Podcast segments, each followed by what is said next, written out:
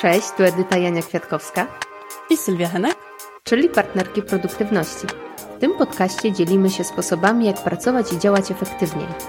Jak uwalniać czas i wprowadzać zmiany, o których od zawsze marzyłyśmy. Jednym słowem rozmawiamy o tym, jak pracować mądrzej i mieć więcej czasu na życie. Dzień dobry. Dzień dobry, hej. Dzisiaj znowu będzie jeden z moich ulubionych odcinków, bo bardzo lubię te odcinki, kiedy mówimy o rzeczach, które nam nie wychodzą.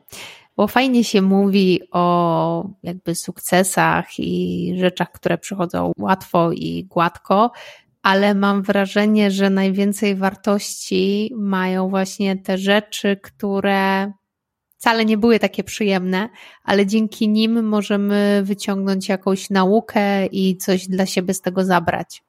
Faktycznie, jak mówimy o błędach, to jest coś takiego fajnego w tym, jeżeli z tych błędów wyciągnęliśmy taki wniosek, który nam pomaga w przyszłości, pomaga nam lepiej pracować, czy uniknąć podobnych błędów, stresów i różnych niefajnych związanych z tym emocji. Dzisiaj będziemy mówiły o takich pięciu błędach, które popełniłyśmy w swoim życiu zawodowym i lekcjach, jakie z nich wyciągnęłyśmy.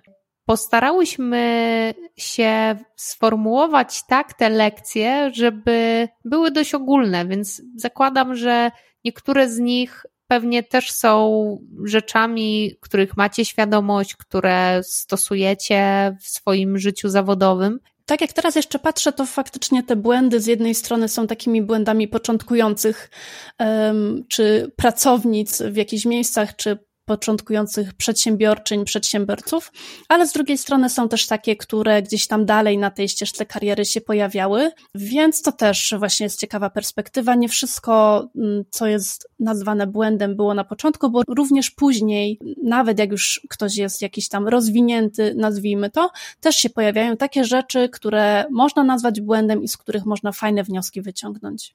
Tak, więc w takim razie zaczynajmy. Zaczniemy od takiego, który jest taką klamrą tego odcinka, czyli lekcja, jaką wyciągnęłam z tej historii, którą Wam zaraz opowiem, była taka, że warto popełniać błędy i mówić o tym otwarcie, bo to zawsze może być okazja do nauki. Ja, jak zaczynałam swoją karierę jako młoda prawniczka, to wiadomo, że się uczyłam. I już teraz nie pamiętam konkretnie sytuacji, czego ona dokładnie dotyczyła, ale pamiętam ówczesną reakcję mojego szefa, która była dla mnie bardzo zaskakująca i myślę, że wpłynęła potem na całe moje życie zawodowe, bo pamiętam, że zrobiłam jakiś błąd, jakiś, nie wiem, z gatunku tych takich między średnim a poważnym, czyli nic takiego wielkiego się nie stało, jesteśmy w stanie to jakoś y, odwrócić i wyjaśnić, no ale dobrze jest o tym wiedzieć. I pamiętam, że trochę się zastanawiałam nad tym, co zrobić, jak się zachować, y, czy sygnalizować to szefowi, bo najpierw sama to y, naprawiłam, ale potem stwierdziłam, że mimo wszystko pójdę do niego i mu powiem, że miała miejsce taka sytuacja. Trochę się obawiałam tego, szczególnie, że on też był taką osobą, która zupełnie nie spodziewałam się reakcji, która potem nastąpiła, a mianowicie powiedział: Edyta, fajnie, że o tym mówisz. Każdy z nas popełnia błędy i to jest okazja do nauki. Więc jeżeli się czegokolwiek na tym błędzie nauczyłaś, to jest dobre dla ciebie. I to było tyle. Jakby nie było tutaj żadnej dłuższej rozmowy, nie było w zasadzie, nie wiem, jakiejś tej takiej e, nagany, której prawdopodobnie się obawiałam w tamtym momencie. Była bardzo otwarta głowa i była zmiana podejścia w perspektywie postrzegania w ogóle błędów. I dzięki tej zmianie podejścia, wydaje mi się, że potem w tym moim dalszym życiu zawodowym zupełnie inaczej zaczęłam podchodzić do rzeczy, które właśnie czasami okazywały się błędami, bo zawsze na nie patrzyłam jako coś, na czym mogę się nauczyć bardzo fajne doświadczenie i tak myślę, że dobrze, że miałaś je na początku swojej kariery e, i też, że znalazłaś sobie tą taką odwagę, żeby się tym podzielić, bo to też nie jest łatwe, ale jak widać na tym przykładzie bardzo warto. Wiesz, w ogóle też jak sobie teraz o tym myślę, to wydaje mi się, że to jest coś, z czym borykają się osoby na samym początku, w sumie zawsze, bo każdy z nas w ogóle przez całe swoje życie zawodowe popełnia te błędy i to jest naturalne. Ale wydaje mi się, że jak jesteś młodym pracownikiem, przychodzisz do nowego środowiska, do nowego zespołu, masz też taką pewnie chęć wykazania się, przynajmniej ja tak miałam w tamtym momencie, to bardzo trudne jest przyznanie się do tego, że hej, coś zrobiłam źle, może to jest właśnie niezgodne z waszymi oczekiwaniami, może w jakimś stopniu was tutaj zawiodłam i, i co mam zrobić? I właśnie ta taka trochę odwaga do tego, żeby się przyznać, ale też y, właśnie otwartość na tą reakcję drugiej strony, ona jest bardzo pomocna i bardzo zachęcam każdego, kto jest na początku y, swojej kariery zawodowej, do dwóch rzeczy zawsze: do zadawania pytań i do przyznawania się do błędów. Super porady i y, wydaje mi się, że kiedy jest się na takim etapie, muszę udowodnić, że to, że mnie przyjęli, to jest dobra decyzja i mamy takie wrażenie, że każdy nasz błąd to jest tak naprawdę błąd, powiedzmy, nie wiem, na poziomie 10 na 100, a nam się wydaje, że to jest co najmniej 90 na 100. Nie wiadomo, jakie to jest poważne. I dużo sobie krzywdy tak naprawdę robimy, kiedy y, trzymamy to w sobie i jeszcze mamy z tego względu stres, y, stajemy się coraz bardziej niepewni tego swojego stanowiska, więc kiedy idziemy taką transparencją, uczciwością, y, gramy też fair play do tych y, szefów, powiedzmy, to oni też widzą, że my jesteśmy siebie świadomi, umiemy się przyznać do błędu i myślę, że to jest cecha, którą też oni bardzo mocno doceniają, bo stajemy się w pewien sposób osobami, na których można polegać, bo gdyby coś się działo, to oni wiedzą, że też się odezwiemy, że powiemy i taka e, wzajemna transparentność to jest świetna, moim zdaniem, baza do współpracy. Dokładnie. Myślę, że po prostu tak uwiarygadniamy się w ich oczach i tak jak powiedziałaś, oni wiedzą, że mogą na nas polegać, bo w sytuacji, w której coś pójdzie nie tak, to będą mieli tą informację zwrotną. To teraz ja podzielę się takim błędem, który też jest związany z początkiem, z początkiem mojej drogi jako przedsiębiorczyni. I ten błąd nauczył mnie przede wszystkim liczenia w biznesie i nauczył mnie robienia researchu, a także sięgania po pomoc innych, pytania innych osób, które mają z czymś więcej doświadczenia niż ja na ten moment. I korzystam z tej takiej mojej zasady pracy do teraz, a Plus jest jeszcze taki tego błędu, który popełniłam na początku swojej ścieżki, no właśnie jako, jako bizneswoman, że jednak okazało się, że i tak bardzo dobrze na tym wyszłam i zaraz Wam wytłumaczę o co chodzi. Niedługo po tym, jak otworzyłam swoją działalność, jeszcze wtedy z moją siostrą, przyszedł do nas bardzo duży kontrakt i to było ZO, Wcześniej obsługiwałyśmy po prostu pojedyncze osoby, więc taki kontrahent naprawdę zrobił na nas wrażenie wręcz y, i bardzo chciałyśmy przygotować dobrą ofertę, zrobić to szybko, sprawnie. Y, I tutaj właśnie trochę się zapłętliłyśmy, dlatego że zrobiłyśmy to zbyt szybko, nie uwzględniłyśmy wielu elementów. Jednocześnie, jako dwie młode dziewczyny, byłyśmy też bardzo podatne na mocne negocjacje ze strony właśnie instytucji. I ostatecznie cały ten kontrakt, mimo że był dużym kontraktem, nam nie przyniósł zbyt wiele zysku. I miałam wtedy właśnie takie no, dość przykre uczucie, kiedy wszystko policzyłam już po całych transakcjach, sprawdziłam wszystkie swoje koszty, przeliczyłam ile czasu to zajęło e, i okazało się, że faktycznie no, nie dopłaciłam, ale prawie bym dopłacała do, mm, do całej tej inwestycji właśnie tego ZO. No i dzięki temu właśnie nauczyłam się, że nie ma co się śpieszyć z takimi dużymi tematami, że spokojnie też mogę sobie dać czas na research, na to, żeby zapytać inne osoby, które wyceniały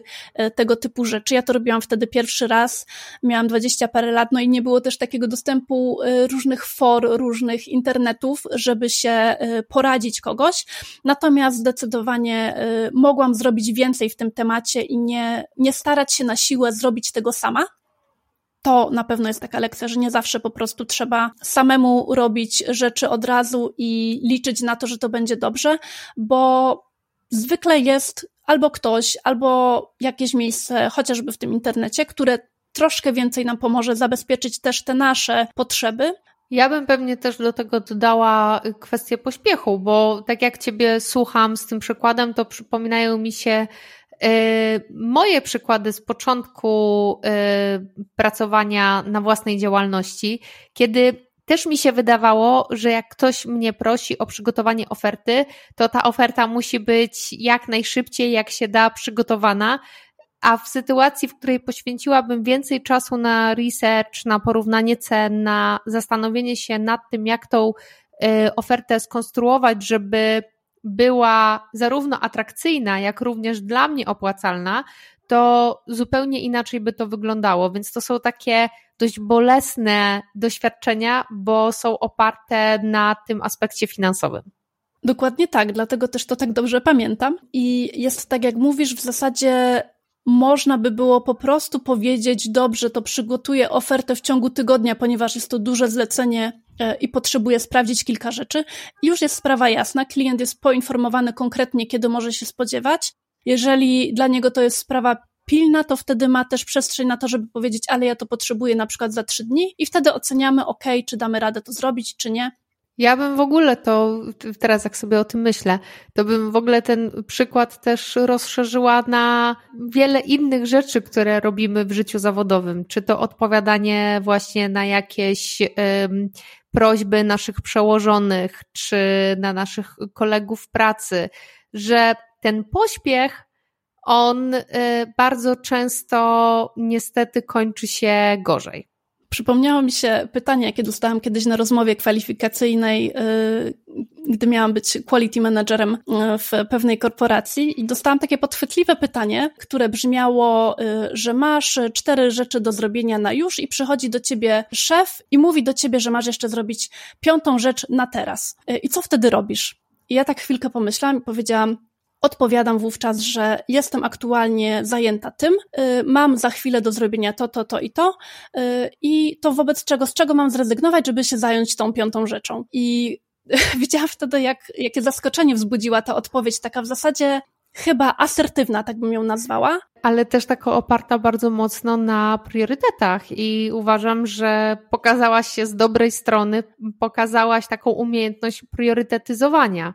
Tak, dokładnie. I ja też dostałam potem tą pracę, więc to też mogło, mogło przesądzić. E, ale to chodzi o to, że e, nie musimy się od razu na wszystko zgadzać, nie musimy od razu wszystkiego na siebie brać i starać się zrobić tego jak najszybciej, bo często też jest tak, że my sami sobie w głowie to tak nakładamy, że musimy od razu, a nie musimy, bo nawet klient od nas tego nie wymaga, tylko to jesteśmy my sami, więc to była taka nauka, a ten klient okazał się fenomenalnym klientem, powracającym, polecił nas też y, do innych ogrodów zoologicznych, więc w zasadzie każdy ogród zoologiczny teraz w Polsce jest, ma nasze bambusy.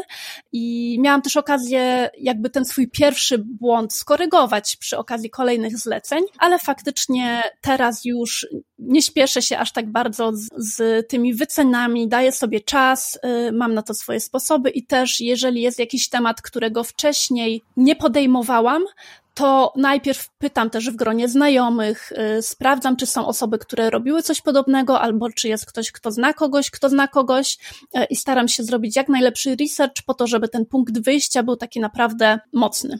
To moja kolejna nauka, którą y, wyciągnęłam z błędu, który popełniłam, też w zasadzie jest trochę połączona z tą Twoją lekcją i też miała miejsce na początku rozpoczynania własnej działalności, bo to, czego mnie nauczyło to doświadczenie, to jest taka myśl, którą zawsze stosuję, jak e, coś e, rozpoczynam robić, a nawet jakby jak jestem w trakcie realizowania tego, czyli czy nakład pracy, jaki się wiąże z tą daną rzeczą, jest wart korzyści, jaką mogę w zamian dostać. Bo Miałam takie doświadczenie, że na samym początku, jak e, założyłam własną kancelarię, to bardzo mocno zależało mi na znalezieniu klientów. I zgłosił się do mnie taki dalszy znajomy, a w zasadzie znajomy znajomego, który też był prawnikiem i gdzieś tam pracował w jakiejś spółce, która właśnie miała swój wewnętrzny dział prawny, z zapytaniem ofertowym dotyczącym konkretnej sytuacji którą chciał w swojej e, spółce zrealizować przy wsparciu zewnętrznej kancelarii. I ja ze względu na to, że miałam wtedy w tej materii całkiem dobre doświadczenie, ale takie doświadczenie, które wymagało jeszcze wsparcia dodatkowego, to też zwróciłam się do mojej koleżanki, która też już była radcą prawnym i razem siadłyśmy nad tą ofertą, przygotowałyśmy w ogóle ją bardzo fajnie w takim rozbiciu właśnie na, na zakres, na, na czas, na, na godziny. Dużo nam czasu to zajęło. Oprócz tego on miał tam jeszcze jakieś dwa takie pytania dotyczące podejścia do rozwiązania y, tej sytuacji, więc tutaj również odpowiedziałyśmy, wysłałyśmy mu to. Y, odpisał nam, że fajnie, że, że dzięki, że jakby przedstawi to zarządowi, ale tutaj ma dalsze pytania.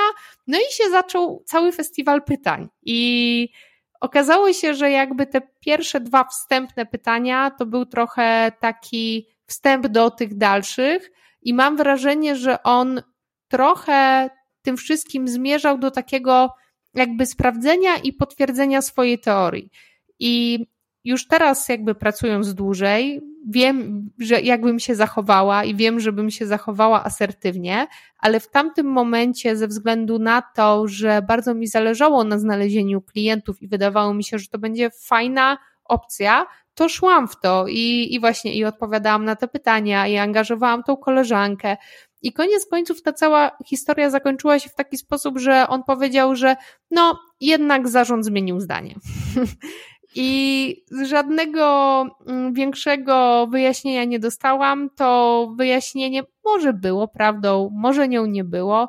W każdym razie mnie nauczyło tego, że zawsze jak podejmuję się jakiegoś działania i widzę, że y, ten mój nakład pracy i energia, która, którą w to wkładam, nie do końca będzie wynagrodzona. Nie, nie do końca to ma sens, bo czasami ma to sens pod kątem właśnie budowania relacji, albo tak jak powiedziałaś, jakiejś takiej potem rozpoznawalności, możliwości wykorzystania tego przykładu w swoim późniejszym życiu zawodowym. Ale jeżeli nic za tym nie idzie, to warto sobie zadać pytanie po prostu, czy warto. Fajnie, że to poruszyłaś, bo przypomniałaś mi o tym, że mam inną zasadę, której tutaj w notatkach nie uwzględniłam, ale czasami sobie mówię, że nie każdy musi być moim klientem. I jest czasami faktycznie tak, jak opowiedziałaś, że ten czas czy sposób bycia takiego klienta jest tak czasochłonny, tak y, wręcz nawet problematyczny. Myślę, że nie musimy się bać tego słowa, bo są problematyczni klienci, że bardziej na tym niż żeby mu coś y, sprzedać, zależy mi na tym, żebym ja jednak miała mm, spokój i szacunek do siebie i żebym też czuła taki szacunek ze strony klienta, więc y, kiedy sobie też dałam taką zasadę, nie każdy musi być moim klientem, klientem. Bardzo mi to pomogło. I w sumie dość pokrewną mam zasadę, y, jeśli chodzi o to, co też powiedziałaś, y, czy coś jest warte naszego czasu, bo będzie to mm, taka zasada, którą nazwałam Nie kopię się z koniem. Y, I to jest zasada, która dotyczy różnego rodzaju hejterów, czy różnych bezsensownych dyskusji w internecie przede wszystkim. I chociaż ja mam bardzo małe doświadczenie, to znaczy rzadko się spotykam z taką reakcją właśnie hejtu, to jednak takie doświadczenie miałam. Jest ono bardzo, bardzo trudne i jest coś w tym, że kiedy te doświadczenie przeżywamy po raz pierwszy, to mamy taką potrzebę właśnie pokazania się z jak najlepszej strony, tłumaczenia pewnych rzeczy. Mamy ogromną, przynajmniej ja miałam ogromną potrzebę pokazania się z takiej strony empatycznej, tłumaczenia ze strony lewej, ze strony prawej, z góry, po prostu robienia fikołków mentalnych tylko po to, żeby pokazać, że jestem ekspertem w danym temacie, że wiem o czym mówię, że się znam, że też y, jeżeli ktoś ma inny pogląd, to może taki mieć i że ja to też uznaję i nie ma żadnego problemu. Natomiast taka rozmowa ma sens, kiedy jest dyskusją, nawet jeżeli się nie zgadzamy, ale kiedy jest obupol, obopólny szacunek i kiedy jest ostatecznie właśnie taka przestrzeń do rozmowy, do zgadzania się albo nie zgadzania się, do przedstawiania różnych argumentów i do słuchania siebie, e, ale zdarzyło mi się tak, że mimo moich najszczerszych y, chęci, mimo dużego wysiłku i emocjonalnego, i czasowego, po prostu się nie dało. E, najzwyczajniej w świecie. E, I bardzo długo zajęło mi podjęcie decyzji, że po prostu wychodzę że nie daje się dalej ciągnąć w jakieś bezsensowne dyskusje, że drenuje mnie to emocjonalnie, nie ma tam żadnego światełka w tunelu, nie ma tam szacunku do tego, że ktoś może mieć inne zdanie. Nie ma tej przestrzeni po prostu takiej chęci y, usłyszenia też drugiej strony, od strony tej osoby, która gdzieś tam się wypowiadała i stwierdziłam, że to jest Uważam, że to jest nie fair i że nie mam obowiązku y, od siebie oczekiwać, że będę w tym uczestniczyć, nie podlewać swoją oliwą tego ogniska y, hejtera.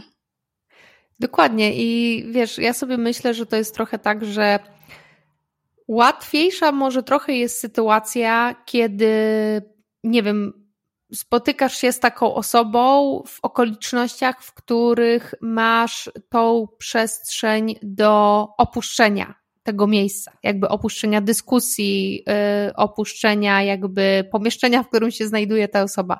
Ale wydaje mi się, że bardzo często też się zdarza, że trafiasz na taką osobę, która może mieć trochę taki destrukcyjny wpływ, czy to na atmosferę, czy to na zespół, czy nawet jakby na ciebie, yy, w miejscu, choćby pracy, gdzie nie masz za bardzo przestrzeni do tego, żeby opuścić. I to Twoje podejście wydaje mi się, że jest bardzo fajne, bo to jest taka trochę akceptacja rzeczywistości.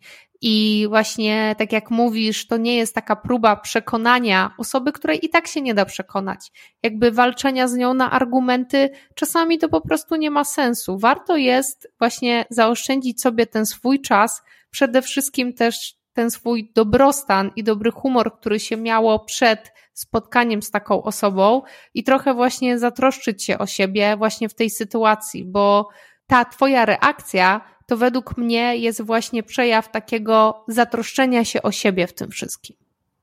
Dokładnie, ja to zrobiłam z szacunku do siebie, ale naprawdę długo mi zajęła ta lekcja, bo mam wrażenie, że z tego względu, że jestem nauczona, żeby dla każdego być jakaś dobra, uczynna, że powinnam odpowiadać, jak mi się zadaje pytania, mm, to dlatego to tak długo zajęło, ale wydaje mi się też, że tak jak powiedziałaś, że może być łatwiej, kiedy to jest takie jeden na jeden, faktycznie fizyczne, gdzieś można skądś wyjść i tak dalej, to kiedy są takie relacje jeden na jeden, kiedy się jest spokoju z kimś. Wydaje mi się, że jednak łatwiej jest um, o taki wzajemny szacunek, jeżeli porównamy to do sytuacji internetowych, gdzie ktoś y, jest anonimowym jakimś zdziśkiem 2, 3, 4, 15, czy, czy inną, y, innym jakimś nikiem w ogóle tak. anonimowym i stara się wtedy udowodnić ci coś, o czym wiesz na przykład z twojej perspektywy, że to wcale tak nie jest, albo dajesz po prostu jakieś argumenty, które i tak właśnie trafią po prostu w ścianę, bo tam,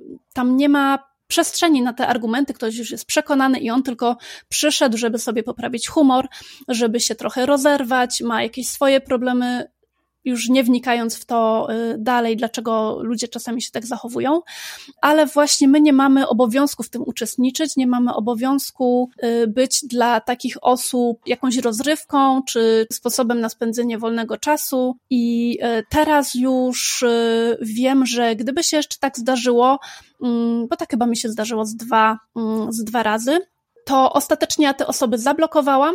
To naprawdę było fizycznie trudne, żeby to zrobić, bo myślałam, że w ogóle, nie wiem, coś wybuchnie, świat się zawali, ale nic się takiego nie stało. Ja byłam o wiele spokojniejsza i czułam, że stanęłam za sobą i to jest bardzo fajne uczucie.